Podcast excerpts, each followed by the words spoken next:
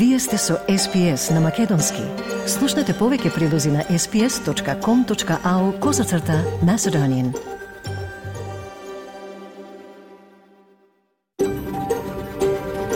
SBS, a world of difference. You're with SBS Macedonian on mobile, online, and on radio. Вие сте со SPS на Македонски на мобилен, преку интернет и на радио.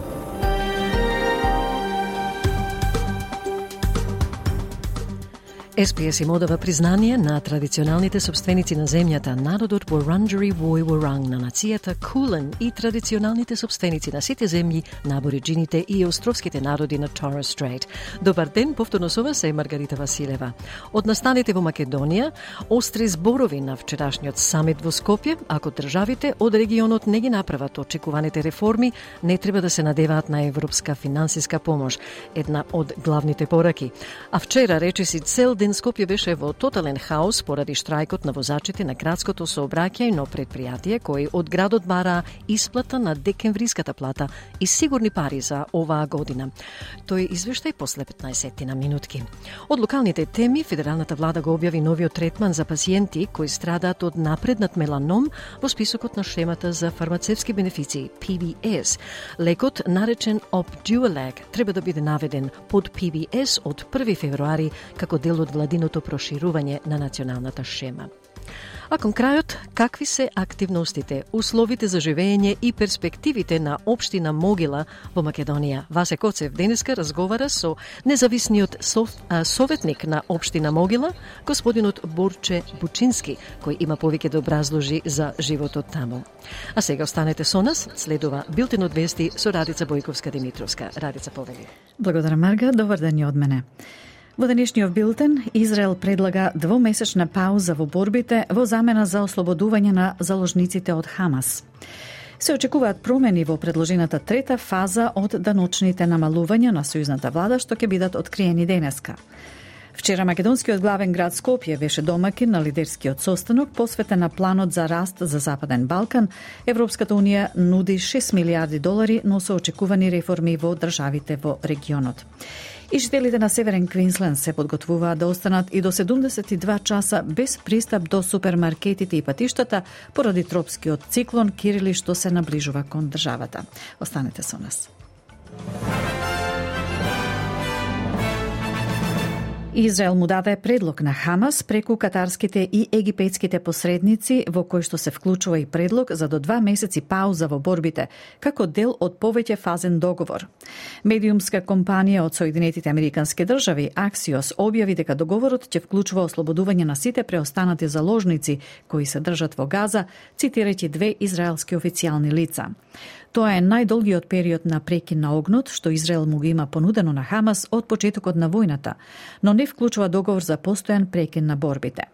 Израелските власти рекоа дека чекаат одговор од Хамас, но нагласија дека се внимателни оптимисти за можноста да се постигне напредок во наредните денови. Тие рекоа дека во првата фаза ќе бидат ослободени жени, мажи постари од 60 години и заложници кои се во критична здравствена состојба. Повеќе од 130 заложници се уште се држат во Газа. Во меѓувреме повредени палестинци ја преплавуваат веќе преполната болница Насер во Кан Юнис, додека Израел продолжува да го напаѓа градот, во кој се засолнети стотици илјади раселени луѓе. Министерството за здравство на Газа соопшти дека најмалку 178 палестинци биле убиени од Израел во последните 24 часа, еден од најсмртоносните денови од војната. Израелските власти ги обвинија милитантите на Хамас дека действувале од болницата Насер, но персоналот го негира тоа. Персоналот и медицинската хуманитарна организација Лекари без граници предупредуваат дека болницата Насер, која што е една од ретките функционални болници што останаа, е на работ на колапс. Луѓето исто така ги закупуваа своите мртви роднини во дворот на болницата, велејќи дека е премногу опасно да се стигне до гробиштата поради обсадата.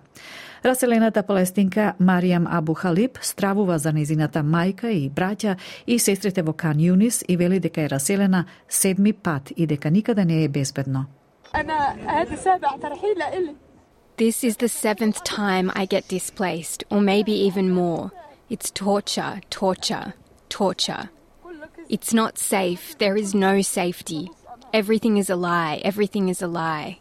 Everything is a lie. There is no safety. Министерството за здравство во Газа соопшти дека најмалку 25.000 палестинци се убиени од почетокот на војната, но бројот на жртвите е веројатно многу поголем, бидејќи многумина се уште се затрупани под урнатините. Палестинскиот министер за надворешни работи побера од министрите на Европската унија да повикаат на прекин на огнот во Газа на состанокот во Брисел. Ријад Ал-Малики исто така ги повика 27-те земји членки да го осудат отфрлањето на решението со две држави за Палестина и Израел од страна на израелскиот премиер Бенџамин Нетањаху. Тој исто така ги повтори повиците за прекин на огнот во Газа, нагласувајќи дека секој ден се убиваат невини луѓе, деца, жени и стари лица, што е неподносливо и неприфатливо. Не можеме да прифатиме дека животот на палестинските деца навистина се третира помалку од животот на другите деца во светот, нагласи господин Малики.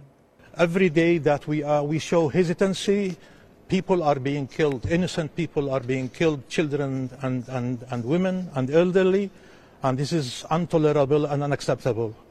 The life of Palestinians really matter, and we cannot accept that you know uh, the life of Palestinian children uh, are being really treated uh, less than the life of uh, children anywhere in the world.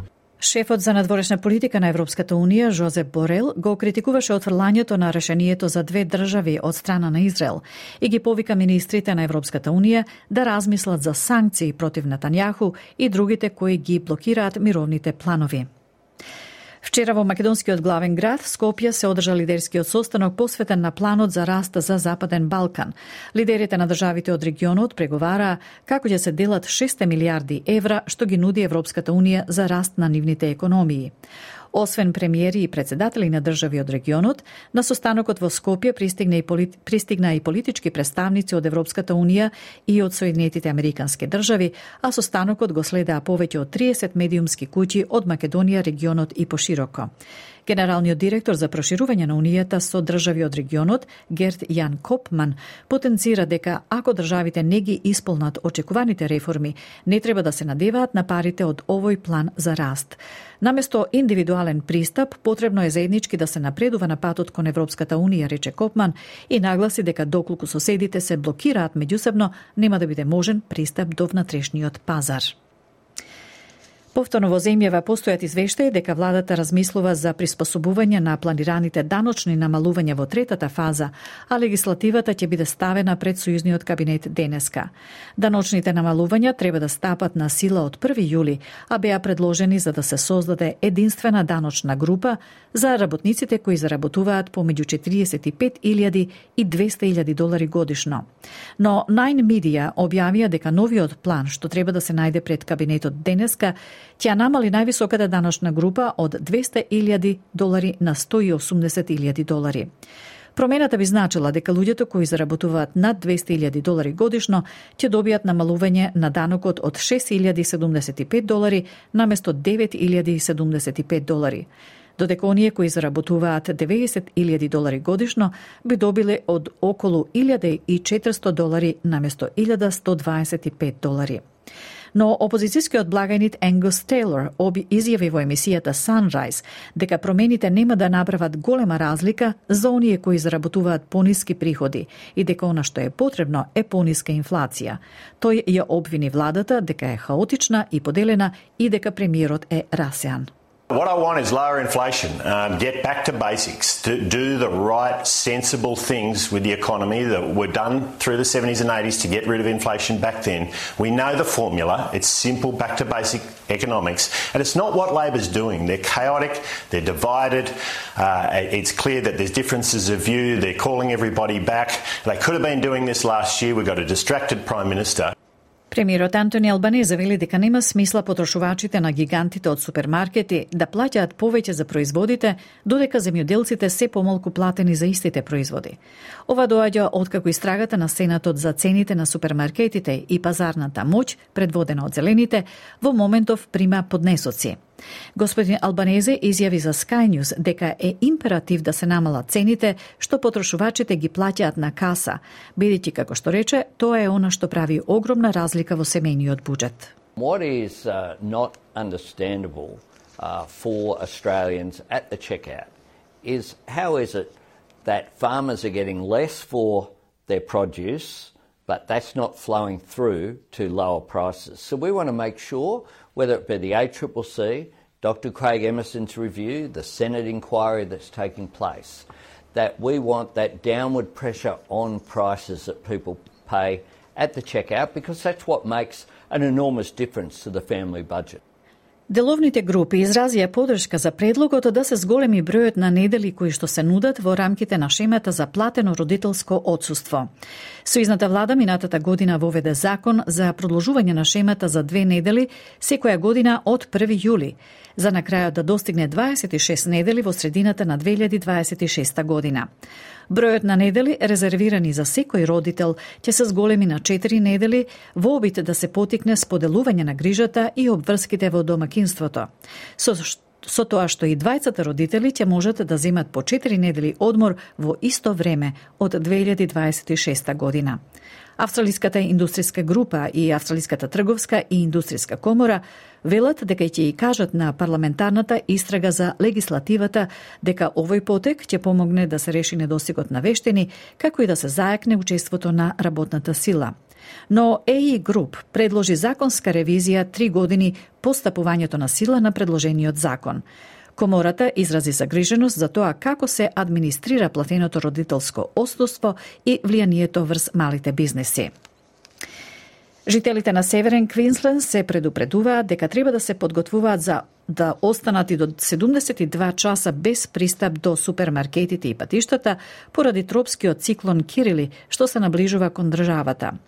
Пожарникарите и службите за итни случаи во Квинсленд велат дека има уште време да се подготват, бидејќи Бирото за метеорологија предупредува дека тропското ниско ниво што се развива над Коралното море најверојатно ќе го премине брегот како циклон од категорија 3 вечерва или утре среда. Заменик комесарот Шейн Челепи изјави за ABC News Breakfast дека луѓето од Кенс до Whitsundays и Мекеј треба да бидат на штрек. Use the next 48 hours to 72 hours to prepare yourself and your family uh, for a potential cyclone crossing and flooding event after. We can do simple things like keep the fuel in your car topped up now. Uh, make sure you have enough food in your house for 72 hours because we know in events like this it can take 72 hours for emergency services personnel can come to you. Make sure you have battery charging packs for your phone.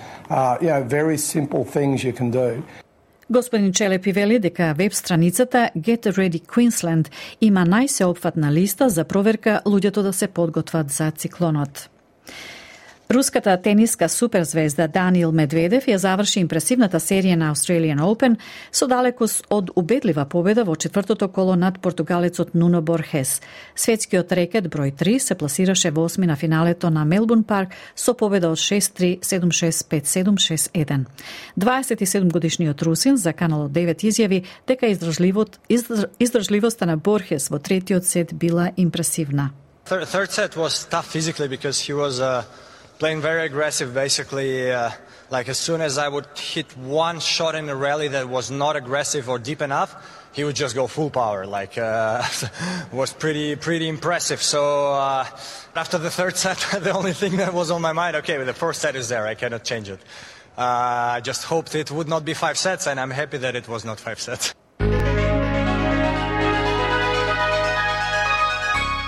Од најновата курсна листа, денеска еден австралиски долар се менува за 0,6 евра, 0,65 американски долари и 36,96 македонски денари, додека еден американски долар се менува за 56,04 македонски денари, а 1 евро за 61,06 македонски денари. Временската прогноза за главните градови за утре, среда 24 јануари. Перт сончево, максимална 29 степени, Аделаид делумно облачно, максимална 31, Мелбурн, Мелбурн делумно облачно со максимална 33 степени, Хобарт услови за дожд во утринските часови, максимална 28, Камбера делумно облачно 31, сончево за Сиднеј 30, Бризбен делумно облачно 30, Дарвин дожд и услови за бура 31 и претежно сончево за Алис, Спрингс со максимална максимална до 42 степени.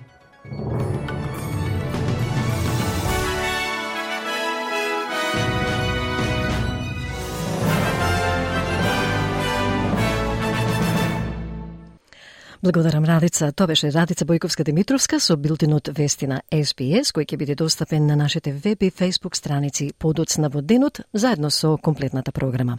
Јас сум Маргарита Василева, а вие сте со SBS Audio на Македонски, каде во останатите 45 минути ќе слушнете вести од Македонија, актуелности од Австралија и светот, а вчера ве информиравме за спортскиот турнир, традиционалниот и годишен Месо Кап, кој оваа година ќе се одржи од овој четврток до недела во Нов Јужен Велс, огромен настан, како и многу години до сега, на кои ќе настапат не помалку од 35 екипи. Но денеска Васе Коцев не носи во Обштина Могила во Македонија, за да дознае, да дознаеме повеќе за активностите, условите за живот и перспективите на Обштина Могила.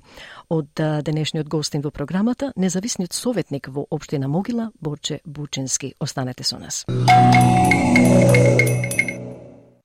Ја следите програмата на SPS на Македонски со Маргарита Василева. Извештајот од Македонија покрива четири главни теми, а тоа се, ако државите од Балканскиот регион не ги направат очекуваните реформи, не треба да се надеваат на европска финансиска помош, беше речено на вчерашниот самит во Скопје. Представникот на Соединетите Американски држави на самитот препорача граѓаните на Македонија да изберат меѓу партија што нуди визија наспроти партија што само ветува. Ковачевски е оптимист дека в недела Македонија ќе добие техничка влада и решен е проблемот со Скопскиот градски превоз. Вчера Скопје доживеа собраќаен колапс. Тоа се темите во денешниот извештај на нашиот редовен соработник од Македонија, Бране Стефановски.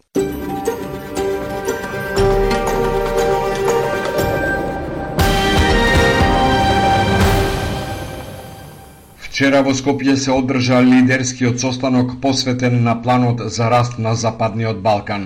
Лидерите на државите од овој регион преговараа како ќе се делат 6 милиарди евра што ги нуди Европската Унија за раст на нивните економии. Освен премиери и председатели на држави од регионот, на состанокот во Скопје пристигнаа и политичките представници од Европската Унија и од САД. Повеќе од 30 медиумски куќи од Македонија, од регионот и пошироко го следеа состанокот од прес-центарот, а средбата беше еден кат подолу во котелот во кој се одржуваше овој самит. Но неколку минути пред најавената пресконференција на која требаше изјава да дадат сите, таа се откажа. Лидерите решиле секој сам да даде изјава во посебни простории пред медиумите од собствената држава. Премиерот Димитар Ковачевски со кратка изјава ги оправда лидерите.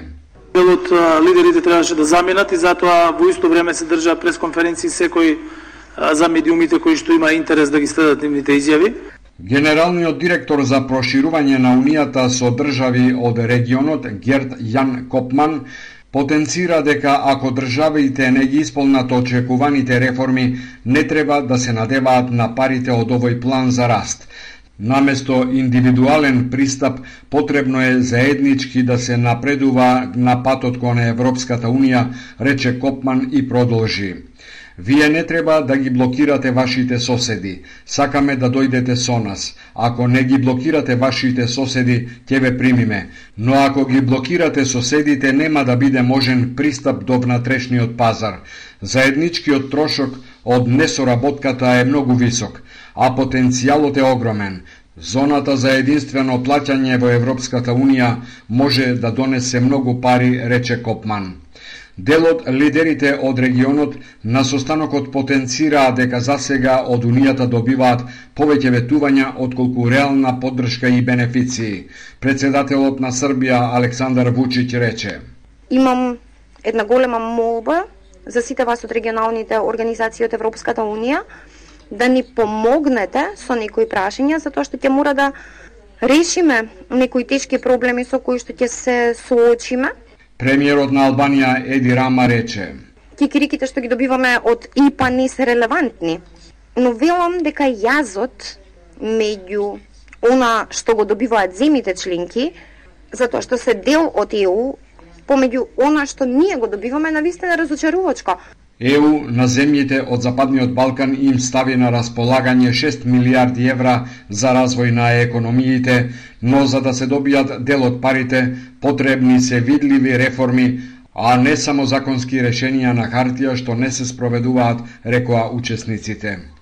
Шефот на одделот за координација на санкциите при Стет Департментот и помошник државен секретар за Европа и Евроазија Джеймс О'Брајан, кој како представник на Соединетите Американски држави учествуваше на самитот, упати порака во која рече дека граѓаните на Македонија треба да изберат меѓу партија што нуди визија наспроти партија што само ветува.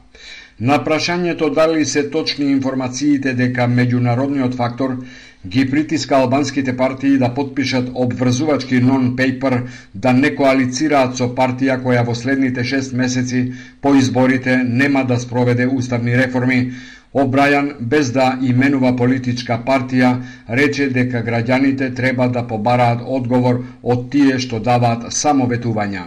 Сметам дека една партија предлага пат напред и прифаќа критики затоа што на некои луѓе им се допаѓа или не им се допаѓа таа насока. Друга партија ветува дека ќе смисли начин со кој што ќе се придвижат напред и мислам дека е правично граѓаните на државата да ја прашат таа партија за овој нон-пейпер и тие да одлучат помеѓу визијата што ја знаат и помеѓу она што се дава како ветување. ВМРО ДПМН за некои медиуми информира дека изјавата на Обрајан не се однесува на оваа партија.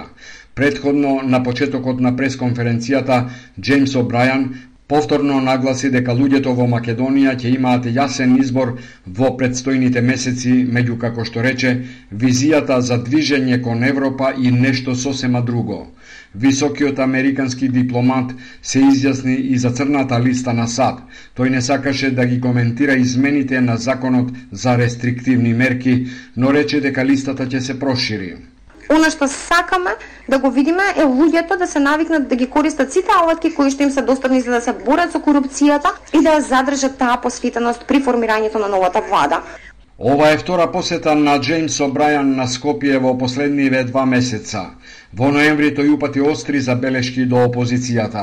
Обрајан имаше средби со премиерот Ковачевски, со вице-премиерот за европски прашања Маричиќ, а се сретна и со собранискиот председател Джафери, кој се очекува наскоро да седне на премиерското столче на техничката влада. Власта и опозицијата да предложат своји кандидати и до недела има доволно време да биде комплетиран предлогот за техничката влада, рече премиерот Ковачевски на пресот по вчерашниот самит. Откако опозицијата најави дека нема да гласа, премиер за техничка влада да биде Джафери, иако ќе предложи кандидати за министри во неа, Ковачевски вели дека такво нешто не постои во светската практика. По информациите дека во техничката влада е предвидена министерска позиција за него, тој демантира. Има доволно денови до недела, тие формалности да се завршат и во недела да имаме гласање со кое што ќе добиеме техничка влада која што ќе ги спроведе изборите. Говорејќи на средбата на лидерите на Западниот Балкан, премиерот рече дека очекува уште еден мандат за да обезбеди европска иднина за граѓаните. Техничката влада што треба да се избере викендов што доаѓа има мандат да ги спроведе изборите закажани за 8 мај. Оваа влада ќе има важност 100 дена до изборите. Вчера, речи си, цел ден Скопје беше во тотален хаос поради штрајкот на возачите на градското сообраќајно предпријатие, кои од градот бараат исплата на декемвриската плата и сигурни пари за оваа година, односно сума од 11 милиони евра. Граѓаните не можеа да се движат само собствените возила и таксистите сообраќаа. Но Советот на град Скопје вчера попладне ги изгласа субвенциите во износ од 11 милиони евра, па автобусите веднаш се вратија на скопските улици. По втората вчерашна седница, председателот на синдикатот на ЈСП Мичо Стојановски за ТВ Сител ја даде следнава изјава. Од утре наутро од 4.45 се нормализира јавниот превоз во градот. 270 автобуси на ЈСП излегуваат наутро и се функционира според редовниот распоред што го има делничен, празничен, неделен и така натаму и така натаму. Градскиот совет предходно не ги изгласа субвенциите за ЈСП. Следуваше зовриена атмосфера во салата, откако председателот на советот Трајко Славевски ги соопшти резултатите од гласањето. Што ако заложи седницата? Врати се пак таму решавај. Како да Како ние да правиме? Како да живееме? Што да јадеме ние? Кажи ми што да јадеме? Една проблем да ги свикам, не е проблем. Имаме Што да јадеме? Кажи ми што да јадеме, друже? Кажи ми што да јадам, зашто си одиш? Кажи му на моето да дојде објасни му таму што да јадам јас. Градскиот превоз на Скопје со години тешко се одвива, а проектот за брз превоз на предходната градска власт новата градоначалничка го суспендира.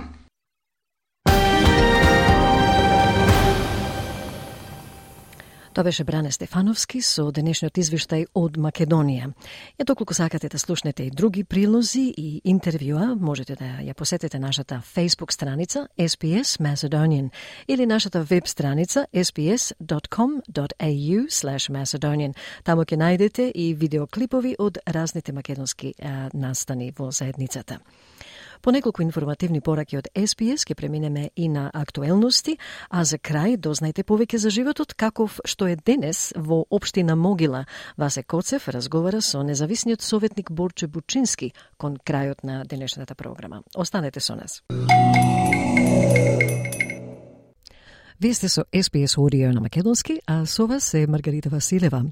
Федералната влада го објави новиот третман за пациенти кои страдаат од напреднат меланом во списокот на шемата за фармацевски придобивки PBS, Pharmaceutical Benefits Scheme. Лекот, наречен Opdualag, треба да биде наведен под PBS од 1 февруари како дел од владиното проширување на националната шема. Од прилогот на Сам Довер за SBS News.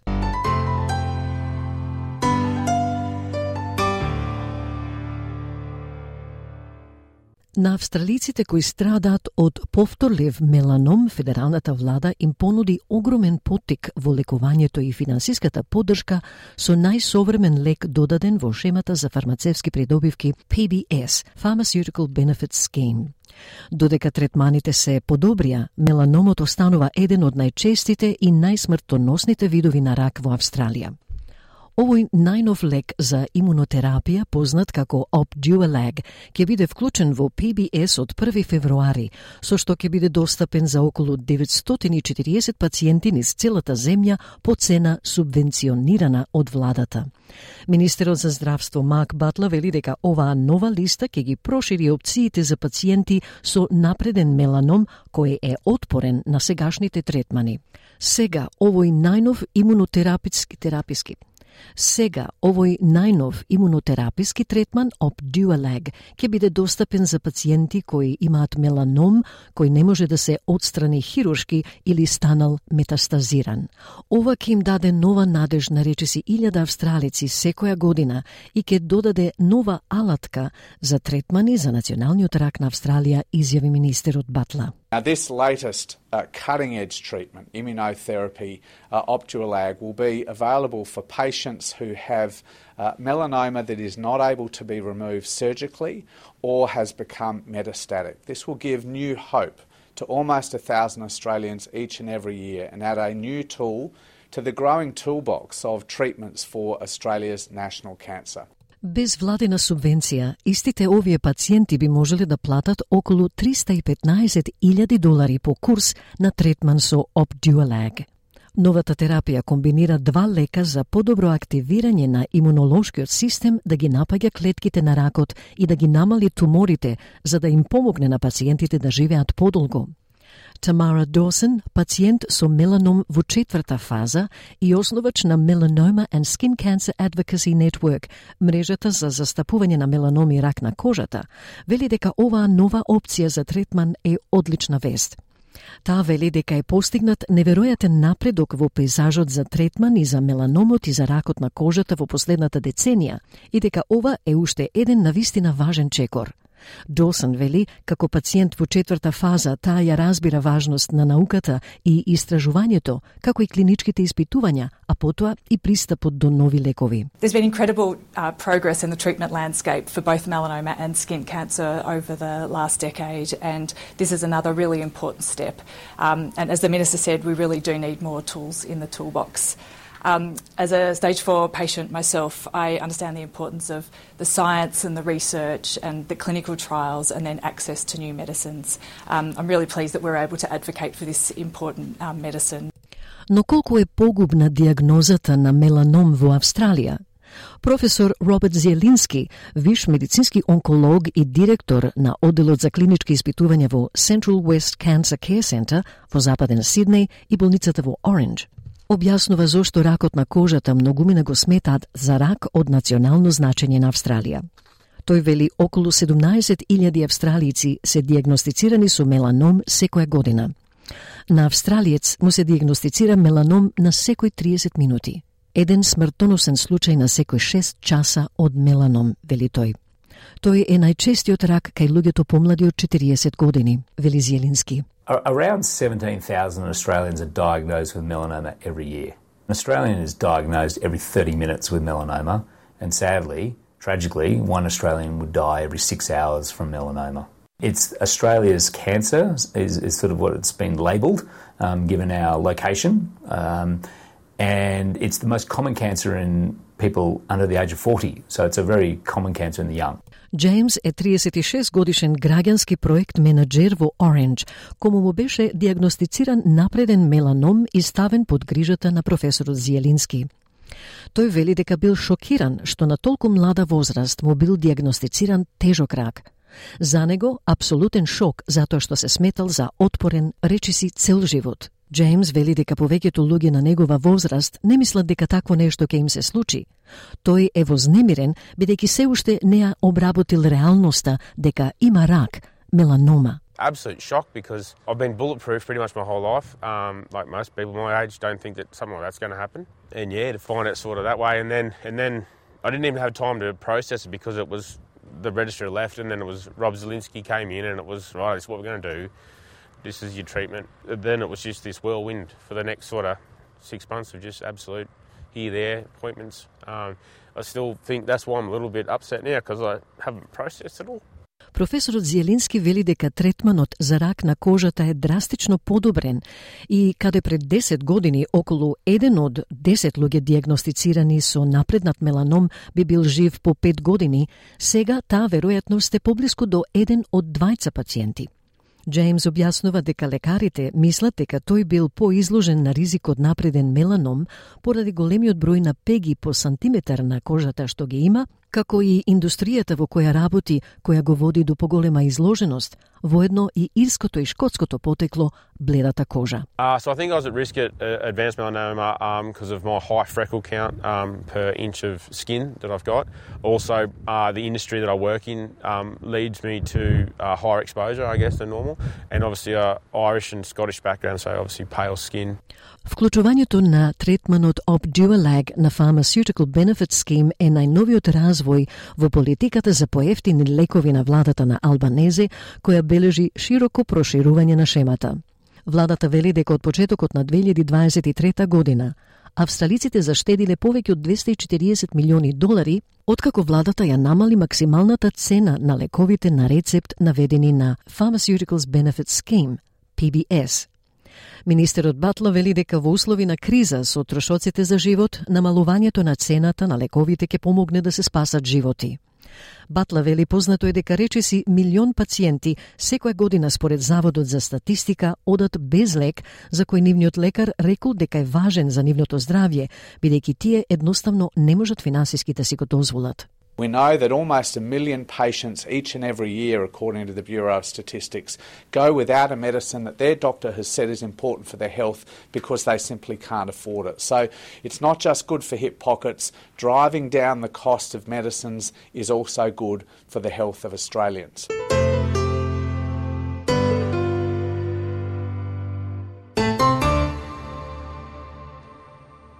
Ете тоа беа главните актуелности и вести што ги подготвивме за денес. Ни преостанува уште разговорот за општината Могила.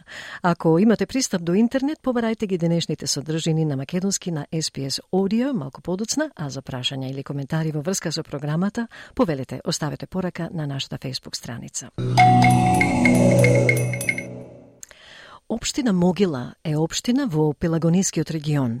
Создадена е со територијалната поделба од 1996 година, а со новата територијална организација предвидена со законот од 2004 година, кон поранешната општина Могила е припоена и општина Добрушево.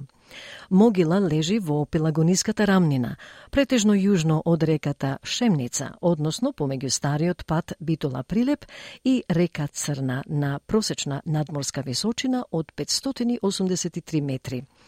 Општина Могила е средно голема рурална општина, зафаќа површина од 251,2 квадратни километри, а ја сочинуваат катастарските општини на 23 села и се наоѓа во југозападниот дел на а, Македонија. Голем број жители од населените места на оваа општина денес живеат во Австралија. Во продолжение на програмата ќе слушнете разговор со независниот советник во Обштина Могила, господинот Борче Бучински, кој е во првата, односно во приватна посета на Австралија. Васе Коцев разговара со Бучински за активностите, условите за живот и перспективите на оваа општина. SBS. SBS. SBS. SBS. SBS. SBS. SBS Radio. Господине Бучински, добре дојдовте на програмата на СБС радио, програма на македонски јазик. Во посета сте на Австралија, значи уште едно добре дојде во Австралија и како ги поминувате овие денови овде во Австралија?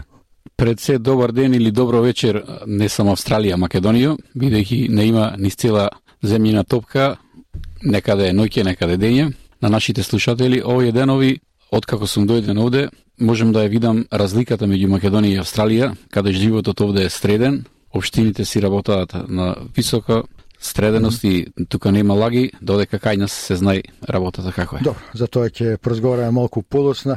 Може да запрашам која е причината за, за вашата посета овде во Австралија? Па пред се има многу наши иселеници, има многу родниња, многу пријатели, имам многу бизнисмени со кои соработувам како на приватен, така и во мојот клуб, значи во нашиот селски клуб Стрела. И причината беше да ги видам, така бев и поканет од некои други личности тука, да се видиме, да направиме некоја разлика, некоја стратегија за напредокот на нашата општина. Во тој контекст сум тука. Да, секако а, може да се искористува посет токму и за тоа. Реков на почетокот вие сте независен советник во општината Могила, веќе втор мандат ако не се лажам, па ќе ве замолам накратко да не опишете личната карта на општината Могила, од кога датира како општина, колку населени места има, колку жители, едноставно подосно истекот на разговорот ќе ми како се одвива и животот во општината Могила. Обштина Могила првен беше само како Обштина Могила, но подоцна по раскинувањето на некои општини, кога ги намалија, а, ние ја добивме и Обштина Добрушево во состав на Обштина Могила. Така да сега Обштина Могила брои 23 села, од кои, за жал, ќе разговараме едно село кое е на километар од другото, нема ни вода, ни струја, ни пат, додека го има нашето обележје македонско, значи манастир кој е еве неколку години се гради и има историја, но за жал за еден километар го оставаме. Да, општината Могил има повеќе населени места на 20 23 села, по, најголеми попознати секако се Могила, Беранци, Добрушево, Долно Српци ги знам бидејќи има луѓе од тој регион од тие села и овде во во Австралија. Колку жители има во моментов општината Могила? Па во моментов никој не може да ја знае бројката бидејќи многу млади секој ден се иселуваат. Значи многу млади, претежно неколку села веќе нема ни ни стари во селата. Значи имаме 3-4 села како што се Путурус, Црничани, пак воопшто нема ни ни луѓе, тие одаат од време на време, немаат ни услови за да живеат таму, бидејќи во Црничани немаме четврта година вода. Бидејќи сретнав податоци малку прошетав по историјата на Могила, некаде во далечната 1948 година имала над 12.000 жители, својот зенит го достигнува во 1961 со некои над 14.000 жители, а според тени податоци во 2021 се регистрирани 5283 жители во Могила. Значи се чувствува тој екзодус на иселување на населението. Да, да, секако. Кои се причините за, за тоа? Па причините првен е во нашите општини, за разлика од вашите општини, нашите општини, каде што треба да бидат сервис за едно село, сервис да му обезбедат пат и вода, ние тој пат и таа вода многу малце ги сервисираме тие села каде што имаме малце број на жители. Потоа, тие села со мал број на жители се претежно стари, нема ни продавница, не можат да издржат тие, не може никој да му доставува секојдневна храна, бидејќи сите одат на работа и нивните ако се преселени во Битола или во Скопје или странство, не може никој да ги обслужува. Нас ни треба некоја стратегија за тие села во самите општини, каде што треба рака да клаи државата, да има некои сервиси како кантини, каде што стварно тие што ќе извршуваат работата не можат да додадат и да обстојуваат од продавање на продукти како што се сокови и, и сите намирници, но треба тука ние да имаме некоја стратегија, за жал тоа никој не ја бара. Јас се имам неколку пати потенцирано кај мене, дека таа стратегија треба да се разгледа. Јас не сум стручен да ја обработам сам, но треба да има експерти. Каде што лицето кое ќе обслужува треба да биде вработено пример во општина Могила за да ги покрива тие 4-5 села, ако не може секој ден, секој втор ден, да му носи намирници на луѓето и да зема плата од општина Могила како вработено тука, а продуктите да ги набавува од некоја продавница, како овде гледам во Австралија како доставувачи на храна имате, од, од да, кај сака да. таму да земи. На некој таков принцип, како, каде што тие луѓе стари би ги задржале. Значи, тоа е една од причините, меѓутоа на комунален план во овие населени места, кога би прашал дали се снабдени со вода, со електрична енергија, канализација, дали ги има оние основни услови за за живење во населените места. Па за жал тоа го потенцирам. Ние во тие 23 села имаме само една канализација во село Могила која не е технички исправна, не е технички примната. Тоа го потенциравме и градоначалникот имаше изјава првиот Славко Велески кој е отпочна проектот, но во негово време веќе канализацијата се пуште, ама и не, не беше технички, немаше технички прием. Таа канализација повеќе е штетна за реката Бисерот на Могила Шевница, каде што фекалиите не се прочистуваат, од директно снимано, кар, зборвано, значи нон-стоп барано да, да, да ја одвоиме пари, но за жал тоа продолжува во Црна река и така ние си ја пуштиме и самата природа, подземните води и така натаму барем се работи на некои проекти за подобрување на животот? Дали се прават напори да се колку толку подобри животот? Па во нашите рурални средини, значи во нашите општини, многу малце проекти се се финализираат. Ние имаме многу проекти, но за во ФИОК. Еве, индустријска зона имаме 12 години, нема ни еден инвеститор влезено. Тоа сега да прашам, видов дека имате индустријска зона Па дали е разработена, дали има инвеститори, дали има изградена нека Нема донезе, капацитет. едноставно имаме однесено само вода, струјата не е проблем, значи и таа е во секој момент, но ние како општина не ги имаме средено парцелите на патови и разни работи кои се потребни за таа зона, но имавме една најава од Австралија, каде што лица од тука да не го спомнувам, дојде со барање да ги да ги земи 4-5 парцели, да направи своји мини фабрики во секоја, значи да не му кажувам и планот, Тој беше презентиран во општина Могила, но за жал тендерот беше поништен и на нареден тендер тој не стигна ни да конкурира. Тоа сакав и да прашам дали е можна соработка, бидејќи голем број на луѓе знам од тој регион, од Могила, Беранци, Штрбово, Долно Српци, Чарлија и другите се овде населени. Сакав да прашам дали има шанси за соработка, меѓутоа не те веќе најави дека еден заинтересиран што имало во тоа не, не успел. Има шанси за некои други соработки? Па ние за самиот стадион во Могила имаме 3 хектари која го пренамеревме во општинско земјиште, значи тоа беше од државата, сега е на општината. Се прат напори, но тие напори никој не ги сваќа сериозно. Значи, ние како општина треба да ја одделиме парцелата, дали еден хектар или два хектари, и да кажеме зошто е таа одделена и кој инвеститор што треба таму да прави. Еве јас имам приватен инвеститор од Австралија со кој се видов овде mm -hmm. во Сиднеј сака да направи човекот балон каде што ќе има дел за спортување на младината, значи за стадион, кој ќе биде лете зима како за турнири, за такви работи и дел да е голема сала со капацитет од 600 гости за свадби, крштевки, каде што ќе носат пејачи и такви работи, но сега кој ќе му кажам воопшто на Могила дека инвести... инвеститорот бара земјиште, секој тоа не го сваќа сериозно или го сваќа како да так, како да го штети едноставно а не дека таа парцела под број тој тој е даваме за тоа. Дали има некој што сака да ја земи бидејќи таму ќе запослува луѓе? На културен на спортски план со што може да се пофали општина Могила? Постојат културно-уметнички друштва фудбалски клубови? Да имаме ние три е, културни друштва. Имаме во Могила, во Добрушево и во Српци, кои функционираат.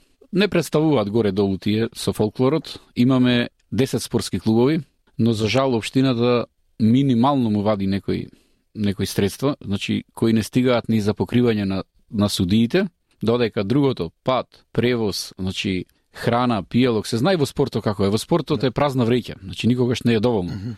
Сите тие обстојуваат на некој начин, некој доброволно самите, некој со финансиски средства од диаспората. Еве нашиот клуб Стрела од Могила, благодарение само на еден човек од тука, можем и да го поздравам ако дозволите. Да. Томе Стојановски, Могилски бомбај, кој само во наредните 2-13 години само на тој човек чекаше. Познато е општината со колкав буџет располага? Во моментот има доволен 3 милиони евра годишно. Од каде се собираат тие средства? Од каде се приливаат во буџетот? Тие се средства дел и од државата, дел од даноци, од сите средства собрани е то. 3 милиони. Но тие не се чисти, значи имаме и заплати за вработени на училиштата, значи Да. хигиеничари во самата општина, значи имаме дели и заплати. Но дел имаме добар дел кој останува, но за жал проектите се сите нереализирани. Еве ќе ви продолжение ќе ви кажам неколку проекти за годинава, каде што заврше годината, парите се фактички или пренаменати, или поделени, но од проектите нема ништо. SBS. SBS. SBS. SBS. SBS. SBS. SBS Radio. Како што слушнавте, останува уште многу да се постигне на економски план во општина Могила. Тоа беше независниот советник во општина Могила, господинот Борче Бучински, во разговор со нашиот Васе Коцев за перспективите и условите за живот во истата општина. Разговорот продолжува и во утрешната програма на SPS Audio. И за крај да се подсетиме на главните вести на SPS.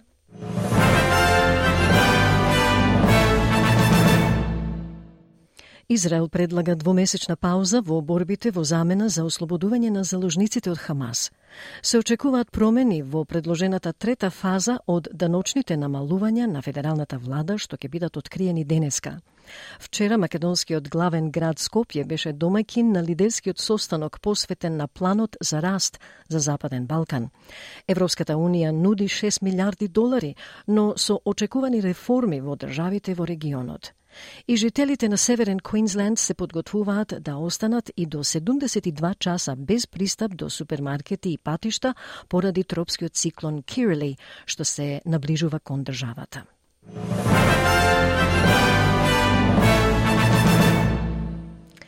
И тоа е се за денеска, почитувани слушатели. Ви благодарам што бевте со нас во изминатиот час. Ве очекуваме и утре во 12 часот напладне, а за избор прилози одете на нашите интернет страници.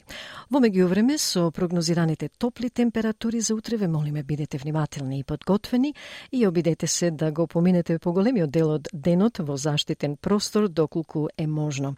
Јас сум Маргарита Василева, до слушање до утре и се најдобро. Сакате ли да чуете повеќе прилози како овој?